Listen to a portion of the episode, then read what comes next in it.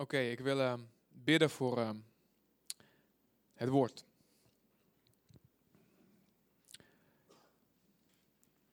Onze Vader, dank u Heer voor uw woord. Dank u dat u het levend maakt, Heer. Doe het vandaag. Maak het levend. Snij in ons hart wat eruit moet en plaats erin wat erin moet. En uh, maak het scherp, Heer. En help ons om het niet verkeerd op te vatten. En de dingen die niet voor ons zijn, laat, het ons, laat, die, ja, laat die gewoon ons niet opvallen. En de dingen die wel voor ons zijn, Heer, laat het des te meer diep een krater slaan in ons oude mens.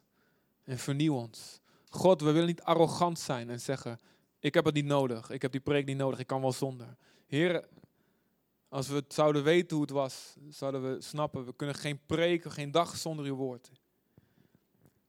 Heer, dat we maken onszelf klein en we erkennen, God, we hebben u nodig. We hebben dit woord nodig.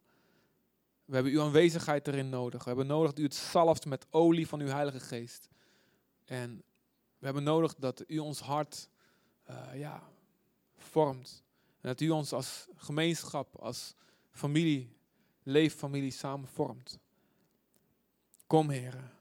We aanvaarden wat u spreekt, zonder uh, koppig te willen zijn. Help ons te herkennen wat voor ons is en het toe te passen in de naam van Jezus. Amen. Amen.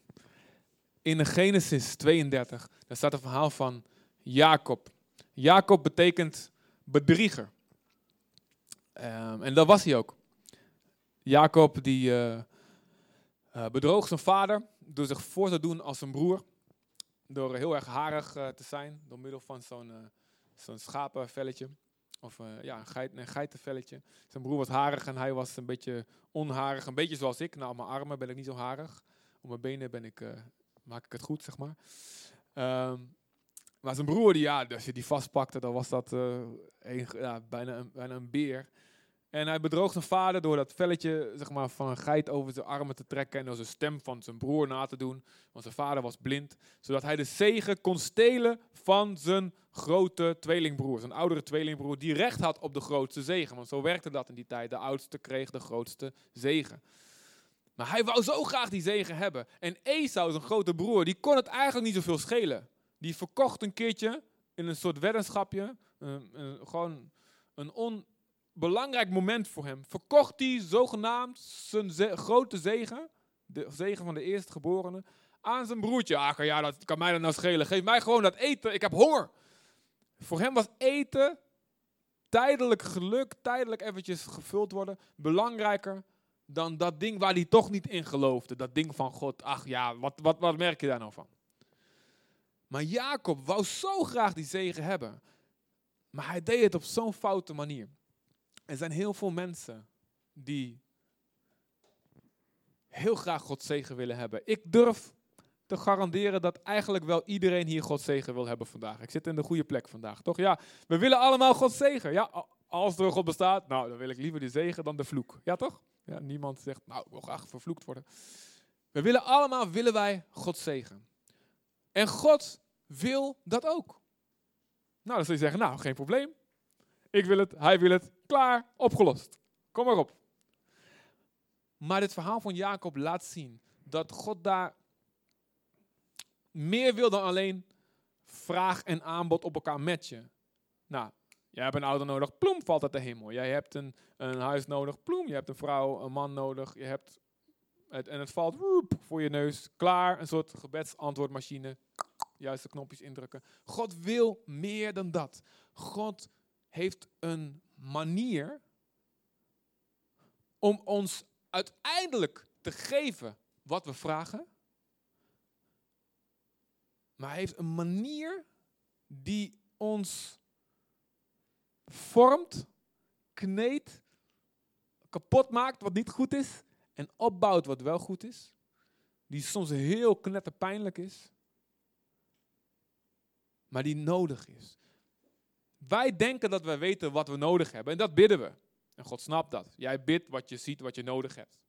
Maar God gebruikt wat wij denken nodig te hebben om ons te geven wat we echt nodig hebben. Mijn kinderen denken, als we ruzie hebben, ik heb nodig om gelijk te hebben. Ik speelde eerst met dat ding, hij begon later. Dat heb ik nodig, dat je me gelijk geeft. En wij als ouders zien, ja, jij hebt nodig om te leren delen. Om te leren eh, iets in je karakter, geduld. Want uiteindelijk kom je daar veel verder mee. Maar geef me gewoon gelijk, wel, ik begon toch. En ik denk, ja, ook al heb je gelijk, misschien heb je gelijk. Maar ik wil dat je leert goed te reageren. Toch? Ouders onder ons. Hè? En zo is God ook met ons. Wij denken, ik heb nu dat nodig, dit moet veranderen, hoe lang duurt dat nog? En God zegt, ik snap het, prima, maar eigenlijk, ik zie met mijn ervaring van een paar miljard jaar, of ja, en 6000 met mensen, ik, heb, ik zie dat jij eigenlijk dit nodig hebt. Je, dit is nog helemaal verrot in jouw karakter.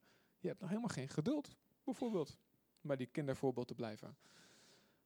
En God wilde Jacob die zegen dus geven, maar hij zag ook, je bent gewoon een leugenaar, een bedrieger, je vertrouwt op jezelf.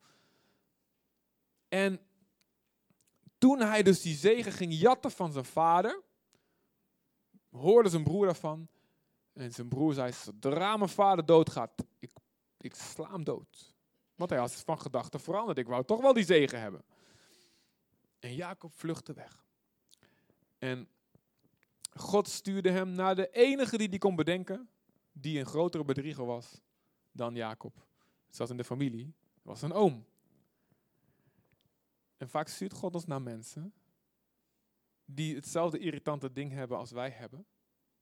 Misschien een beetje erger. Om ons die spiegel te geven. Dit is wie jij bent. Wat jij nou voelt, wat hij doet, wat zij doet, doe jij bij anderen. En dat duurde, bij, zoals Jacob, bij Jacob, net als bij iedereen, duurde dat lang voordat hij dat door had.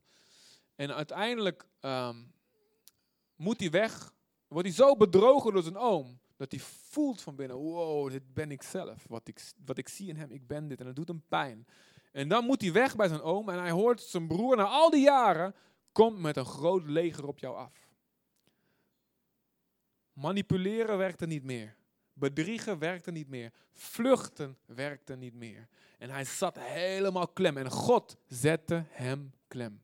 God zette hem vast. Hij kon nergens heen.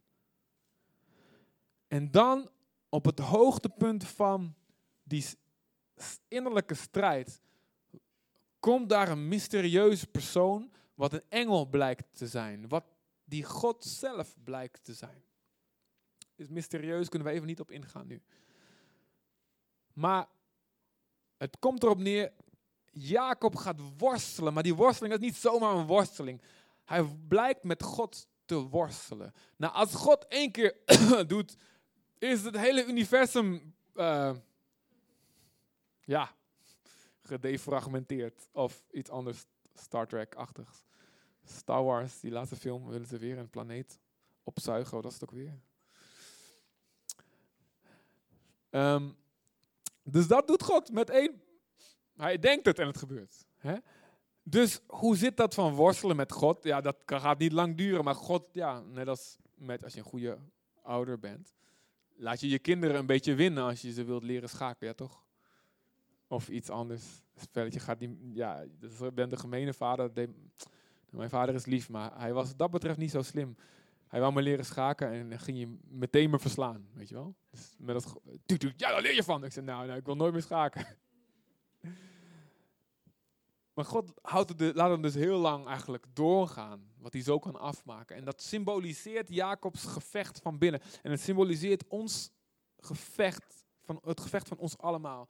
Ons worstelen met God, eigenlijk ons worstelen met onszelf, met wie we zijn, met wie God niet meer wil dat we zijn en blijven met datgene wat eigenlijk in de weg staat voor die zegen die we willen hebben. God zegt, ik wil je die zegen geven, maar dit staat in de weg, je ziet het niet. En het is een gevecht en een confrontatie die soms jaren kan duren. En op het hoogtepunt van die strijd, staat al toen God zag dat hij niet kon winnen. Ik bedoel, denk even na, hoe raar. Toen God zag dat hij niet kon winnen, oftewel dat er geen andere manier was, sloeg Jacob, babam, op zijn heup. Wat dat betreft is God denk ik een Aziat, een Japanner. Net als ik. En Jacob wist, mijn eigen kracht is gebroken. Dat is waar het om gaat. En hij kon nooit meer hetzelfde wandelen. En toen hij dat zag, hij zegt, man, dit is, ik ben kapot. Ik ben nu echt gebroken. Toen deed hij een uitspraak. Wat het centrum is voor wat, wat God vandaag wil zeggen, geloof ik. Hij zegt in Genesis 32, vers 26, is maar een heel klein stukje. En we kennen het allemaal. Nou, vers 26 staat, toen de ander zag dat hij het niet van hem kon winnen, raakte hij Jacobs heup aan. En daardoor raakte Jacobs heup tijdens de worsteling ontwricht. Nou, dus in, in de Christian Tan vertaling staat. Toen zei de ander, laat mij, ehm, laat mij gaan, het wordt al dag. Ik bedoel, God die zegt, laat mij gaan, weet je wel, ook grappig. Maar Jacob zei, hier gaat het om, ik laat u niet gaan, tenzij u mij zegent.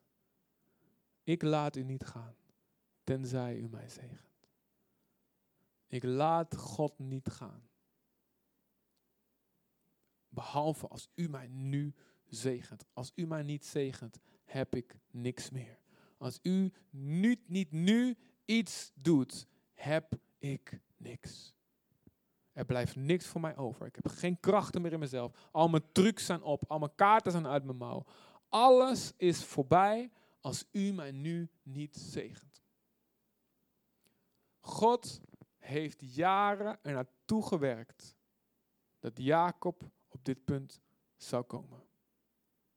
Deze uitspraak was wat God uit hem wilde knijpen door al die ellende en bedrog en onrecht wat hem aangedaan werd. En op dit punt zegt God, vers 28, hoe luidt je naam? Weer zoiets. Hè? Alsof God het niet weet. En hij, moet dan, hij wordt geconfronteerd met wie hij is. Hij moet zijn identiteit uitspreken. Hij moet erkennen wie die is. Jacob, ik ben een leugenaar. Dit is wie ik ben. Hij moet erkennen wie die is. God, dit is wie ik ben. Voortaan zal je naam niet Jacob meer zijn, maar Israël. Want je hebt met God en mensen gestreden en je hebt gewonnen. De prins van God kan het betekenen, of hij die worstelt met God. Beide kunnen passen in dat woord.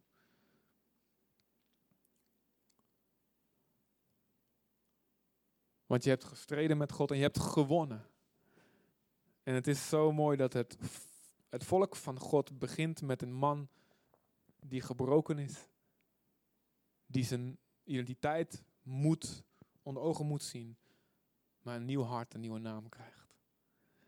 En zo begint ook het leven van iedereen die uit de hemel geboren wordt, die opnieuw geboren wordt. Het begint dat je op het punt komt dat al je trucs niet meer werken om jouw leven gezegend te krijgen. Want je moet erkennen, als God mij niet helpt, word ik niet gezegend. Als God me niet zijn genade geeft, kan ik met al mijn goede daden niet in de buurt komen bij die zegen. Bij mij kwam dat punt toen ik dacht dat ik geweldig was en God brak me in stukjes. En ik dank God dat er toen, er toen eh, nog niet heel veel ellende voor nodig was, maar gewoon het was een openbaring voor mij. Jij die denkt dat je geweldig bent, dat je de hemel wel uit jezelf verdient. Jezus, Jezus hoeft niet voor jou aan het kruis te sterven.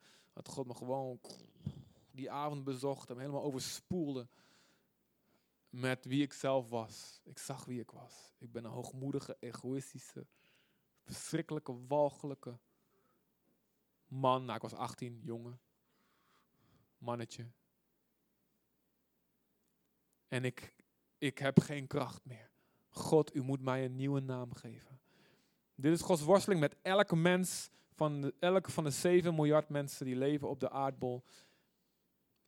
Er zijn natuurlijk een hele grote groep mensen die denken, ik, ik, heb, ik, ik verdien niks, ik ben slecht. En die zijn er ook in de kerk.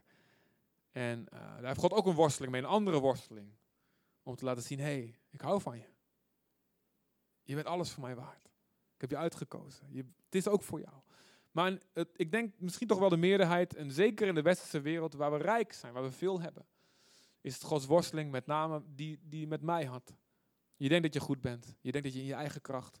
Als er een God is, nou, ik zal boos worden als hij me niet aanneemt. Als er een hemel is en die komen niet in, nou, dan ga ik al eventjes een klacht indienen. Gods worsteling is jou te laten botsen met jezelf. Wanneer komt die nou? Wanneer komt ze nou op dat punt dat ze ziet dat ze mijn zegen nodig heeft en niet het meer zelf allemaal kan doen? Wat moet ik nog meer doen? Dat ze dit gaan zien. En dan krijg je een nieuwe naam, een nieuw hart. En het gaat dan niet, daarna maakt Jacob nog steeds fouten. Blijft hij doen. Maar er is wel iets veranderd. Hij is opnieuw geboren. Deze uitspraak van Jacob herinnert mij aan die van Mozes. Mozes zegt eenzelfde soort iets in Exodus 33, vers 15. Daar zegt God, ik ga niet langer met jullie mee in, het in de woestijn, door jullie tocht door de woestijn naar, van Egypte naar het beloofde land, 40 jaar, uiteindelijk werd dat. Ik ga niet langer met jullie mee, want dan gaan jullie dood. Ik ben te heilig, jullie zijn te slecht. En het gaat niet goed. Ik stuur wel een engeltje. En Mozes zegt dan, als, Exodus 33, vers 15, als u zelf niet met ons meegaat, laat ons dan van hier maar nergens heen trekken.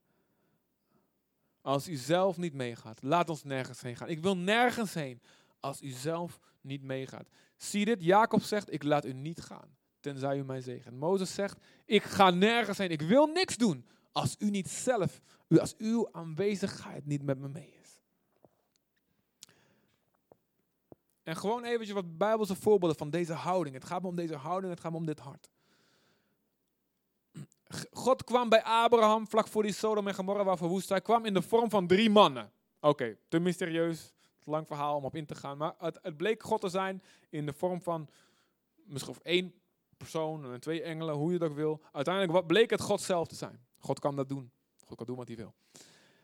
En er staat dat uh, hij wou, God wou verder trekken. Abraham was daar en God wou er langs. En er staat, Abraham drong sterk bij hem aan. Alsjeblieft, kom bij mij. Verander je plan. Kom hier. En God deed het. God sprak met Abraham. Abraham kon bidden voor die mensen. Ergens anders staat een verhaal van een ehm, moeder van een zoon. Die zoon gaat dood. En er is een profeet in die tijd profeet Elisa. Elisa kan wonderen doen. Enorm veel wonderen staan daar beschreven. En ehm, die moeder die komt, haar zoon is net gestorven. En die komt bij de profeet, alsjeblieft, genees mijn zoon. En, en, en, en Elisa, die, uh, ja, dat zie je vaker bij Elisa, hij was een beetje lui volgens mij. Ehm, hij, had, hij dacht van, nou weet je wat, ik stuur wel mijn knecht hier, leg, maar, leg zijn staf maar op hem. En die moeder zegt, nee, ik accepteer niks minder dan de volle kracht die er is. Ik eis dat je zelf meekomt. Ik wil geen knecht, ik wil geen staf, ik wil geen trucje. Ik wil alles wat er is. En Elisa zegt oké. En hij gaat mee. En die zoon staat op uit de dood. Er waren vrienden die wouden bij Jezus, vrienden van een verlamde kerel. En die, en die kon niet zelf lopen, dus ze sleepten hem overal mee naartoe, waar Jezus was. En toen kwamen ze bij zijn huis Huis van Jezus. Jezus deed gewoon huissamenkomsten. En dit ding was zo vol, dat huis. Er kon niemand bij. En, en elk ander had gezegd van, nou ja, weet je wel, goed, ik uh, kijk wel op uh, de, de Google-agenda wanneer die er weer een happening is. Maar die luistert, namen gewoon geen, they wouldn't take no for an answer. Ze zeiden gewoon, ik, wij pikken het niet. Ze zeg, dat ze zeggen, het huis is vol, kom een andere keer maar terug. Wij breken dit dak open. Ze gingen naar boven, ze braken het dak open. Ze zeiden, wij gaan niet weg totdat Jezus onze vriend aanraakt. Ik laat u niet gaan, tenzij u mij zegent. En die man genas. Er was een andere, was een blinde, Bartimaeus. Hij was blind en Jezus liep langs. En Jezus was al een soort van voorbij. En zei, Jezus, zoon van David, heb medelijden met mij. En Jezus ging voorbij. En iedereen zei, Houd toch je mond. Weet je wat, schreeuw je toch. Hij is al weg. U bent te laat. Jezus is te druk. Maar er staat, hij werd dus ontmoedigd aan alle kanten. Maar hij accepteerde het niet. Hij zei, jee. Hij, staat, hij riep des te luider. Jezus, van David. Hij schreeuwde alleen maar harder. Toen iedereen zei, houd toch je mond. Hij schreeuwde harder. Hij accepteerde geen nee. Jezus, tenzij u mij zegent. Ik laat u niet gaan. En hij werd genezen. Er was een vrouw en er was een buitenlander. En Jezus' missie was vooral op, was tijdens zijn leven vooral voor de Joden. Na zijn, na zijn opstanding zou het ook voor de andere volken beginnen. En Jezus zei, joh, en die vrouw zei, genees alsjeblieft mijn dochter of mijn zoon, was het? Ehm, en Jezus zei, nee, het is, het is niet goed, weet je wel, ik ben hier voor, alleen voor het Joodse volk nu gekomen. En het is niet goed om de kind, het brood van de kinderen te geven aan de honden. Eigenlijk noemde hij haar een hond. En weet je, elk andere persoon, zeker in deze tijd, had gezegd: Hoe durft die Jezus mij te beledigen? En wow, ik ga hem aanklagen. En wow, ik kom nooit meer terug. Ik zal hem iedereen vertellen wat een, wat een nepper die Jezus is. Misschien een website tegen hem beginnen. Maar zij was, had zoiets van: ook al, ook al lijkt het alsof ik beledigd en uitgescholden word, ik moet die zegen hebben. En ze zei: Ook de honden mogen soms de kruimels van de tafel van de kinderen opeten. En Jezus zei, groot is jouw geloof. En ze kreeg haar genezing. Jezus was opgestaan uit de dood. En iedereen had het erover. De discipelen hebben hem gezien. Een paar vrouwen, Maria, hebben hem gezien. En er waren lui op weg naar een stad in Emmaus. En, uh, en ze ontmoetten Jezus. Ze wisten niet dat het Jezus was. Ze begonnen met hem te praten. En en Jezus begon te zeggen, joh, weet je, weet je niet wat het betekent? Hij begon de Bijbel uit te leggen. Dit is wat het betekent. Eh, de Messias moest sterven en hij moest opstaan uit de dood. En toen hadden ze iets van, wow, nu snap ik het in één keer. Hun ogen gingen open. En er staat, Jezus deed net alsof hij verder wou gaan, staat er. Wat? Jezus is gewoon een, goede acteur. Maar Jezus zou dan nooit zoiets doen. Blijkbaar wel. Hij deed net alsof hij verder wou gaan en niet met hun mee wou gaan. En dus ze gingen zo aandringen. En zei, misschien hij nog een paar keer van nee, nee, nee. Ehm, mijn ouders hebben allemaal Iraniërs in huis en in de kerk. Zijn allemaal massaal worden die christen. Shiïtische moslim worden allemaal christen. Ze hebben er wel 20 of 25 gedoopt binnen de afgelopen maanden. En die lui hebben een speciaal woord ervoor. Voor, uh, dat je niet meteen ja mag zeggen als iemand je iets aanbiedt. Als iemand je eten aanbiedt. Uh, dat is heel onbeleefd om meteen te zeggen, uh, ik wil eten? Ja, ja, dat is heel onbeleefd. Um, dus je moet minstens drie keer weigeren. Dat is niet alleen Iraniërs, maar dat is best wel in meer culturen. Um, en uh, met name, ja, ook bij Latino's en bij Indo's het ook een beetje, je moet niet te gretig toehappen van, ja, oké. Maar, hun hebben daar speciaal een, woord voor, met woord vergeten. Je moet minstens drie keer weigeren voordat je ja mag zeggen. Dan pas is het beleefd. Dus de gast, de gast weet dat, de gastheer weet ook, hij moet doorvragen en laten zien dat hij het echt meent. Ja, nee, nee, blijf echt wat eten. Nee, nee, nee, ik hoef niet te zien. Blijf echt wat eten. Nou, oh, oké, oké dan, oké dan, weet je. En wat er gebeurt er dus, die Iraniërs die komen in Nederland en dan vragen ze, hey, wil je even wat mee eten? Er was een Iranier die in Duitsland was, vriend van hun, die in Duitsland was. Wil je wat mee eten? Nee, nee, hoeft niet. Oké. En die Iraniërs, wat, weet je wel, zijn cultuurverschillen. Jezus doet net alsof hij niet wil. En ik vertel je, al deze voorbeelden doet Jezus nog steeds met ons. Hij doet net alsof hij niet wil. Hij doet net alsof hij je niet wil zegenen. Wat? Wat gemeen. Hoe graag wil jij het? Hoe gebroken ben jij? Hoe wanhopig ben jij? Hoe heb jij hoeveel heb jij door dat je hem nodig hebt? Hoe ver ben je bereid om te gaan? Nee, maar je moet er gewoon vragen. En als het niet gebeurt, nou ja, dan zitten we God niet Gods wil. Ah, ah. Als al die voorbeelden van net hadden gezegd, was God niet meegegaan in de woestijn. Was Jacob, had Jacob geen nieuwe naam gekregen. Was die, dochter van, was die zoon van die vrouw niet opgestaan uit de dood. Was Jezus niet bij hun gaan zitten, bij de Emmausgangers. Hadden ze hem niet, niet doorgehad dat hij het was. Pas in dat huis kwamen ze achter, het is Jezus. Al die dingen, was Bartimaeus niet genezen. Was die verlamde kerel nog steeds verlamd? Nou ja, goed, nu nog steeds, ik weet niet. En was het dak van Jezus mooi intact gebleven. En Jezus vertelt allemaal voorbeelden van tegen de christenen. Wees brutaal. Hij noemt voorbeelden van bidden is alsof je s'nachts bij een vriend aanklopt. Nee, dan schrik je als je s'nachts op de deur gebonkt wordt, weet je wel. Bij, als je, je het wel eens gehad? S'nachts, wow, wie is er dood? Ah, wie heeft ook een knuppel achter je, uh, homo knuppelpakje achter je deur? Als een vriend die s'nachts op je deur bonkt en zegt, ik heb gasten onverwacht gekregen, je moet me wat eten geven. Ik heb geen eten. De winkel, de, zelfs de Chinezen zijn dicht. Je moet me eten geven. Ik, wat voor voorbeeld geeft Jezus spoort aan om brutaal te zijn. Zo moet je bidden, zegt hij. Hij vertelt een verhaal van een weduwe met een ongeïnteresseerde rechter.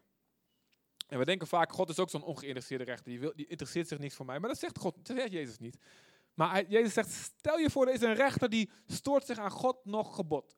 Hij interesseert hem niet om, hij wil gewoon zijn geld verdienen met de rechterschap. Wat een goed betaalde baan. En dan komt de weduwe en die zegt, geef mij uitspraak in mijn zaak. Ik word onrecht aangedaan. En die rechter zegt, oh, ga toch weg, weet je wel. En dan staat, zij blijft hem elke dag lastigvallen, buiten staan, bij zijn rechtbank. Uh, hem, hem stalken, uh, appen, tweeten over hem, toestanden. En dan staat dat hij, op een gegeven moment werd hij zo moede van, die, die vrouw valt mij zo lastig, ik ga nu haar zaak behandelen, ben ik er vanaf. Als een slechte rechter dat doet, hoeveel te meer zal God niet naar jou luisteren? God die goed is. Dus Jezus spoort ons door, door al die verhalen aan. Wees brutaal. Accepteer geen schijnbaar nee van mij. Wat? Dat mag toch niet? Dat is respectloos. Het is juist respectvol als je doet wat God je aanspoort in zijn eigen woord. Hij zegt, zo werkt het. Ik wil dat je, ik wil dat je het aandringt. Want in dat proces, dat het misschien langer duurt, ga ik jou vormen, ga ik je allemaal dingen leren, ga ik je allemaal een hart laten zien. En ik kan daar ontzettend veel verhalen over, van onszelf over vertellen. Ik heb Gods hart leren kennen toen wij schreeuwden naar de hemel. Waarom kunnen, waarom kunnen wij geen kinderen krijgen? We hebben geschreeuwd en samen gebeden en gevast en God gezocht. En ik heb er zoveel door geleerd. En uiteindelijk, weet je, de, kwam onze gebedsverhoring. En ik ben er zo dankbaar voor. En het is zoveel rijker dan alleen gewoon bidden krijgen. Er moet een punt komen in ons leven dat we dingen zo zat worden, zo voelen, dit kan niet meer. Ik haat zo hoe dit nu gaat. Dat er een soort intensiteit komt in ons zoeken van God. In Hebreeën 11 vers 4, daar staat, als je tot God komt, dan moet je geloven dat Hij bestaat. Ja, de, oké, dat is duidelijk. En dat Hij een beloner is voor wie Hem ernstig zoeken. God is een beloner voor wie Hem serieus zoeken. En zoveel gelovigen ook zeggen, ah, ik heb het een keer gevraagd, maar het, gebeurt niet. Hij zal het wel niet willen. Het zal wel zijn soevereine wil zijn, dat het niet gebeurt. En weet je, de Bijbel zegt dus dat wij die soevereine wil van God kunnen veranderen. Dat God zich laat beïnvloeden door ons aanhouden. Door ons vasthouden. Dat dat zijn soevereine wil is. Volgen jullie mij een beetje? Ja? En als je kijkt naar dingen in de psalmen die daar geschreven worden, dan worden wij, de meeste van ons die niet dit hart zo hebben, een beetje ongemakkelijk van. Een beetje awkward dingen, als je dat echt letterlijk gaat nemen. We zingen het soms heel mooie, mooie melodietjes, maken erop. Maar als je gaat lezen wat in sommige psalmen staat, ga je denken, oeh, als ik dat echt ga doen, dat is een beetje raar. Deze valt nog mee. Psalm 130. Ik verwacht de Heer. Ik, mijn ziel wacht kijkt uit naar de Heer meer dan de wachters uitkijken naar de morgen. Een beetje, wie heeft wel eens nachtdienst, ploegendienst gewerkt, weet je wel. En als het niet zo leuk werk is, dan denk je van, uh, ik moet, uh, vaak moet je van tien tot zes werken in de fabriek. En dan vooral s'nachts, dan is het twee uur en denk je, ah, pff, ik moet nog zo lang. En dan ga je door het werken en denk je, ah, volgens mij is er al een uur voorbij. Vijf minuten. Oh, weet je, meer dan, dan nachtploegarbeiders uitkijken naar de morgen. Zo kijk ik uit naar de Heer. Maar er staan andere dingen. Er staat dit, ik open mijn mond en ik hijg, want ik verlang naar de vervulling van uw woord. Ik bedoel, dat zingt een mooi liedje, een mooi psalmliedje. Maar doe dat eens. Doe het er maar eens. Laten we dat nou maar niet doen. Dat is een beetje raar. Ja, toch? Maar open je mond en hijgen. Ik heb zo'n dorst nadat dit gebeurt. Dat God dit gaat doen in mijn leven. Psalm 119. Hoor Heer hoe luid ik roep. Hoe ik luid roep. We, we zijn er misschien gewend om zo netjes mooi te bidden. Maar weet je, als je een wonder nodig hebt, als je vast zit, als je klem zit, ga je schreeuwen. Letterlijk schreeuwen. Moet je, zoals wij vaak deden, het bos in. Of de natuur in. Bij de golven, bij Noord, hier kan het ook heel mooi, Noordkust. Kunt schreeuwen. Die golven eten je schreeuw op, het beter. Is een beetje raar om door, hier door de kajakraan of bij de hotels te gaan schreeuwen. Een beetje raar.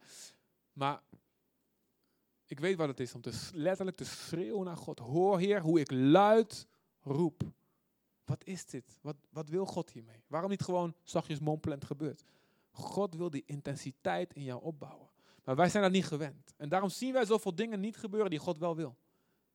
En daarom zien wij de kerken minder worden, leger worden, over het algemeen, in plaats van sterker. Zoals in veel landen van de wereld wel gebeurt, omdat ze leren met zo'n intensiteit God te zoeken. Mijn ziel verlangt, van 84, bezwijkt van verlangen naar de voorover van de Heer, of de, de, de tempel van God. Zo bezwijkt, mijn ziel bezwijkt. Mijn hart en mijn lichaam roepen het uit tot de levende God. Heb je er wel eens gehad? Psalm 63. Oh God, u bent mijn God. U zoek ik vroeg in de morgen. Heb je wel God zo gevoeld dat je God zo nodig hebt? Kijk, het is altijd zo. Je hebt God elke dag zo nodig, maar soms voel je het gewoon meer als andere dagen. In sommige situaties. Nood leert bidden. Maar het is zo mooi als een nood niet nodig is. Niet nodige nood. U zoek ik vroeg in de morgen. Heb je wel eens gehad dat je zo ik moet, ik moet eruit. Ik moet minder, dan maar minder slapen. Ik moet God, naar God roepen. Ik moet die tijd maken. Mijn ziel dorst naar u. Mijn lichaam verlangt naar u. In een land dor en dorstig zonder water. Ik, heb, ik, ik, wil niks anders drinken, alleen dit. Dat u zelf komt, dat u dit gaat doen. S'avonds en s'morgens en s'middags zal ik klagen en kermen. En hij zal mijn stem horen. Snap? Voel je al hoe awkward dit wordt? Hoe ongemakkelijk dit voelt? Klagen en kermen, weet je Dit is bijbelse taal. Psalm 69. Ik ben moe van mijn roepen. Mijn keel is ontstoken. Mijn ogen zijn bezweken. Omdat ik steeds hoop en uitzie naar mijn God. Schreeuwen dat je keel ontstoken wordt. Zo bidden. Niemand houdt dit elke dag van zijn leven vol. Dat wil God ook helemaal niet. Maar er zijn momenten dat je God zo moet vasthouden, zo moet worstelen. Zeg, ik laat u niet gaan tot u mij zegen. Dit moet nu gebeuren. Dit moet nu gebeuren, anders gaat het niet goed. En als we dit niet doen, als we zeggen, nou, nou. En het geloof niet vasthouden, missen we Gods verandering. Missen we dat bovennatuurlijke ding wat hij gepland had voor ons. En wij laten vaak God rustig gaan. Ah, als u mij niet zegent, oké, ga maar, is goed. Ik heb, um, ik heb mijn baan. Ik heb mijn huwelijk. Ik heb mijn familie. Ik heb mijn opleiding. Kom wel goed. En dat is de realiteit bij heel veel, ook bij heel veel gelovigen. Met name als je het goed hebt. En ik moet zeggen, mijn ziel, onze, onze ziel is er heel vaak helemaal niet blij mee geweest. En soms ook nog steeds niet. Maar één ding is wel een voordeel als je zo voortdurend voor de leeuwen gegooid wordt door God. Zo van verlaat je land en ga naar Aruba en verlaat alles achter. Maar ook de eerste kerk, weet je wel, begin wordt voorganger. Ik zeg, ja, kom op man, ik ben veel te dom daarvoor. Ik ben veel te, ik weet niet wat ik moet doen. Het voordeel is, je gaat bidden. Onze favoriete tekst als voorganger in het begin was, God, Jozef had bidt dat in Kronieken ergens. God, ik weet niet wat ik moet doen, maar mijn ogen zijn op u. En daar komt God met een wonder. Altijd. Zoveel gezien van Gods wonderen. Maar dan moet je wel op het ongemakkelijke punt komen. Maar wij laten God gewoon gaan. Ja, ga maar. Wij zeggen, als u, als u niet met mij meegaat, nou dan ga ik zelf wel. Maak ik er zelf wel iets van. Ook zonder zijn wonderen, zonder zijn spreken, zonder zijn stem gaan we wel. Komen we goed. Wij slapen rustig, terwijl de wereld kapot gaat. Wij doen dat. Ik ook heel vaak. Nogmaals, je kan er niet elke dag, je moet gewoon soms slapen. Maar er moet, je moet, er moeten ook seizoenen zijn dat je zegt, hey, dit kan gewoon niet wat er nu gebeurt. Als de Bijbel zegt, mensen zonder Jezus gaan verloren, hoe kan ik rustig doorleven? En dan niet tenminste alles aan doen en God, God erom vragen. Wij draaien onze dagen af. We zijn meer bezig met onze lunches, met onze, als Esau, met onze soepjes. In plaats van dingen die God wil doen. Ik zeg het niet over jullie en misschien voor heel veel van jullie geldt het ook helemaal niet, weet je wel. Dus God zal het scherp moeten maken voor iedereen zelf. Maar ik geloof er voor een heel groot deel van de gemeente, van de wereldwijde kerk. En met name in het Westen is dit een realiteit.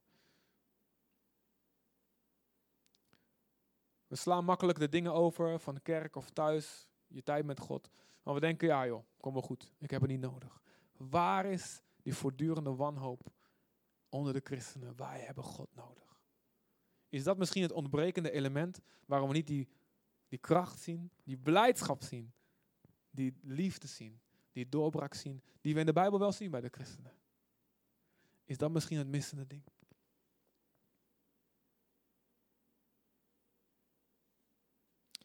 En in Hosea 2, er staat een verhaal, dat zegt God, ik zal, oh, praat Hosea, God tot Hosea, Hosea moet profeteren. Hosea 2, vers 5 en 6. En dan zegt God, ik ga de afgoden die Israël heeft, de andere dingen waarmee ze hun maag vullen, ik ga de weg naar die afgoden blokkeren. Dat ze hem gewoon niet meer kunnen vinden.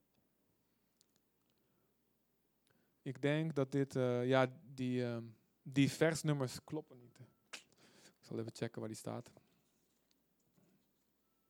Met, ja, die bij Hosea is een van de boeken waar die soms verspringt, die versnummers. Ik zoek hem even op.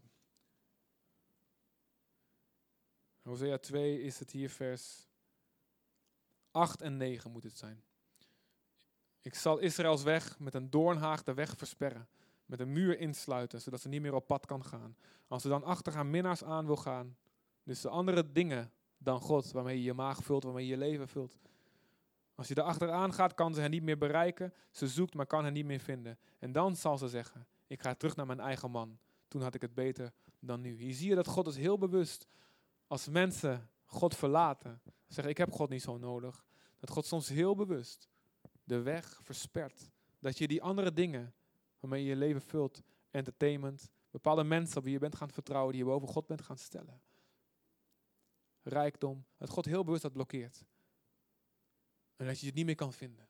Zodat jij weer gaat zeggen, ik moet naar God toe. God doet dat. Hij doet dat. Zodat hij deed bij Jacob, doet hij het bij ons. Laat het niet nodig zijn. Maar als het nodig is, het zij zo. We leren God kennen. Te rijke, verzadigde mensen die zeggen, ik heb God niet nodig.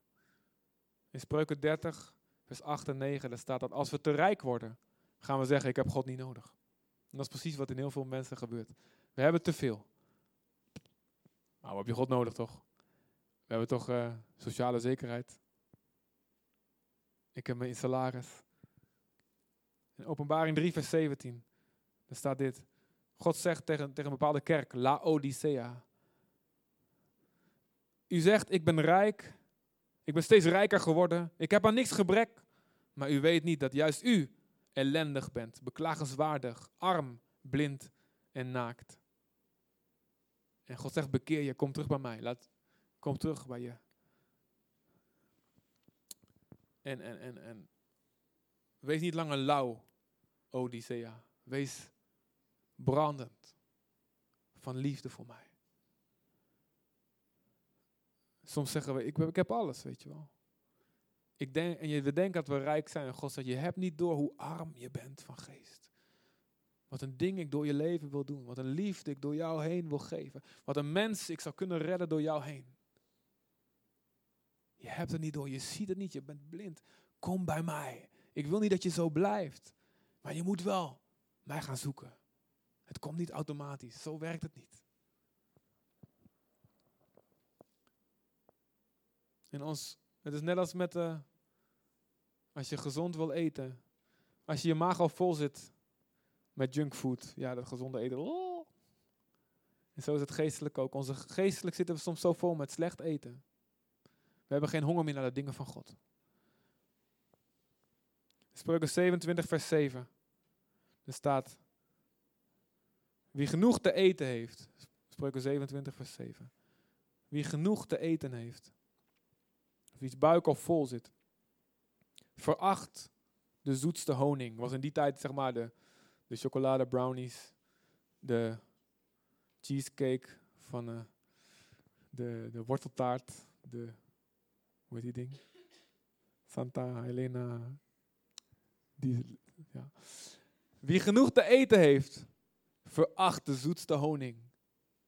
Maar voor wie honger heeft, is al het bittere zoet. Als je buik al vol zit met andere dingen, kan de beste prediker, de beste kerk, de grootste kracht van God, de aanwezigheid van Jezus in je buurt zijn. En je denkt van, kan mij het schelen. Je bent al vol. Je buik zit vol met slecht spul. Maar als je honger hebt naar God, en daarvoor moet je soms de dingen van de wereld weigeren. Dan gaat je maag knorren. Is zelfs het bittere is zoet. God heeft mij geleerd, zelfs uit de slechtste preek, dus er is hoop voor, voor vandaag, voor nu. Hè, uit de slechtste preek kan ik iets halen. Ik heb honger naar Gods woord. Ik heb het nodig. Ik, heb, ik kan niet zeggen, ah, ik heb, uh, ik heb één keer in het jaar een preek nodig, weet je wel. Zo stoer ben ik al. Dan ben je zo hoogmoedig en overmoed komt voor de val. Zelfs de slechtste preek kan God tot jou spreken. Als je honger bent, vind je dat. Als je hongerig bent naar Hem. En soms moet je dus je maag tijdje niet vullen met dingen van de wereld. We hebben wanhopig en voortdurend vernieuwing van denken nodig. Het denken van gisteren niet genoeg, was niet genoeg voor vandaag. Het moet voortdurend vernieuwd worden in ons denken. Vernieuwd worden, groeien. Wie waar ik gisteren de overwinning mee haalde op de duivel en op zonde en, en door een situatie heen kwam, is niet genoeg voor vandaag of voor morgen. Ik moet blijven eten, groeien. Ik heb God elke dag nodig. Voortdurend wanhopig zijn. En God zal het doen. Wat Nathalie net ook zei. Hij zal het doen. Er staat in Jezaja 45. Ik heb niet gezegd dat mijn volk zoekt mij te vergeefs. Hij zal het doen. Hij antwoordt. Maar zoek. Zoek. Waar is onze honger? Waar is onze honger?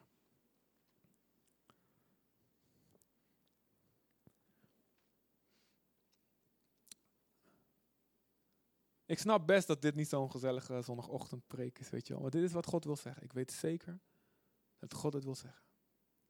Eén ding wat ik zeker weet. En dat God het wil zeggen tegen ons, tegen misschien wel zijn hele volk wereldwijd. Waar zijn de mensen die mij serieus willen zoeken? Ik heb die zegen klaar liggen. Het, het is er. Maar wil je door het proces gaan? Mag ik je desnoods een karateslag op je sterkste punt geven? Zodat je gaat roepen naar mij. Heer, Heer, ik heb geen goed einde hiervoor. Ik weet niet, Heer, wat u, ja, hoe u dit gaat doen. Maar ik, ik bid dat u iets gaat doen bij ons allemaal. Ik bid dat u, um, wilt u helpen, Heer. Ik weet dat u niet wie je bent om ons te veroordelen, onze grond te trappen. Wat doe je het slecht? Ik, u bent hier om ons aan te sporen, ons aan te moedigen. En om ons te leren dit is hoe de dingen gebeuren. Dit is hoe ik, hoe ik werk. En ik bid voor iedereen, echt waar. U houdt van iedereen. Ik hou van iedereen. Laat er geen nood nodig zijn om ons te leren bidden, te leren roepen. Laat het niet nodig zijn, echt niet. Dat willen we voor niemand. Maar God, Heer, als het nodig is, blokkeer de weg naar onze afgoden. Als het nodig is, sla ons op onze kracht. Zodat we gaan zeggen, ik laat u niet gaan totdat u mij zegent. Vader, we hebben veel meer nodig. We beseffen niet hoe heftig het is. De eeuwigheid komt eraan. Miljoenen, miljoenen mensen om ons heen staan in het dal van de beslissing. Wij zelf. Misschien denken we dat het hartstikke goed gaat, maar en u weet hoe het echt gaat. Als het goed is, prima. Bevestig ons, spreek, bemoedig ons en help ons daar te blijven. Help ons te blijven staan. Niet automatisch te denken, het blijft wel goed gaan. Maar als het niet goed gaat, Heer, als onze ziel helemaal in gevaar is, Open onze ogen. God, we willen u zoeken. En geef ons een geest van gebed. Stort het over ons uit. Geef ons de Heilige Geest, Heer. O God, laat ons met veel meer intensiteit en honger roepen. Wees welkom, Geest van God. Wees werkzaam in mij. Ik heb het nodig. Niet die en die alleen. Ik heb u nodig elke dag. Meer van uw geest. Meer van uw geest. Meer van uw kracht. Heer, ik heb, we willen uw kracht zien. We willen niet leven zonder uw kracht. We willen niet doorgaan met ons leven. Zo van, nou ja, als het komt is het leuk. Als het niet komt, laat maar. We willen niet leven zonder uw kracht, zonder uw aanwezigheid. We willen niet doorgaan met leven en kerk spelen. Zonder dat u zelf hier in ons midden bent. Wonderen doet, harten verandert. En, en de mensen die massaal aantrekt tot uzelf. En redt en vernieuwt. En ons denken vernieuwt. Ons nieuwe mensen maakt. Ons doet groeien. Ons karakter doet groeien. God, we hebben u zo nodig. We roepen het uit naar u. Geef ons honger. Open ons hart, Heer. Hier zijn we. We laten u niet gaan, Heer. We stoppen niet met aandringen bij u tot u ons zegen, dat u Aruba verandert, Nederland verandert, onze harten, onze families verandert. Meer vruchtbaar, meer bruikbaar maakt voor u, meer liefde geeft. Ik laat u niet gaan dat het u mij meer liefde geeft voor mensen. Al die dingen, God, Heer.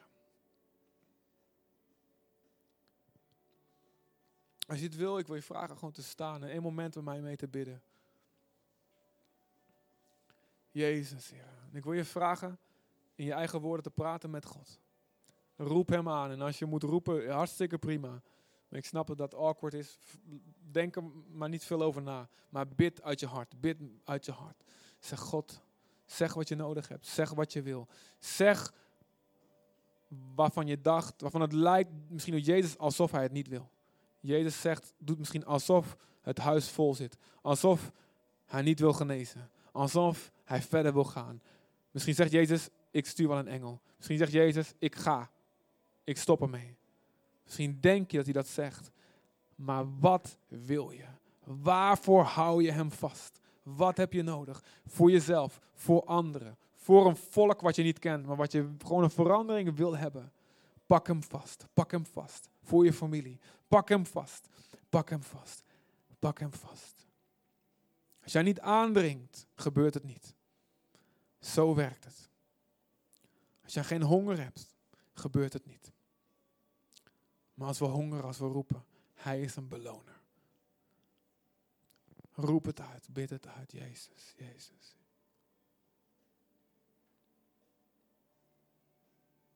Doop mensen met uw geest. Vul ons, Heer. We willen niet zonder die geest. We willen niet zonder die volheid van de geest. We willen niet zonder meer vrijmoedigheid en vrijheid en, en, en, en meer van die, uw gave en uw kracht. We willen niet zonder die genezing, Heer. We willen niet zonder die opwekking. We willen niet zonder groei van die kerk, Vader. We willen niet zonder de bekering van deze mensen die het zo nodig hebben. We willen niet zonder een vernieuwing in mijn huwelijk, een vernieuwing in mijn denken. We willen niet zonder een verandering in mijn kinderen, mijn ouders. Heer, ik wil niet zonder dat ik voortdurend mensen zie, veranderd zie worden. Ik wil niet zonder meer liefde in mijn hart. Ik wil niet doorgaan. Ik laat u niet gaan totdat u mijn hart aanraakt. Jezus, Jezus, Jezus. Jezus, Heer.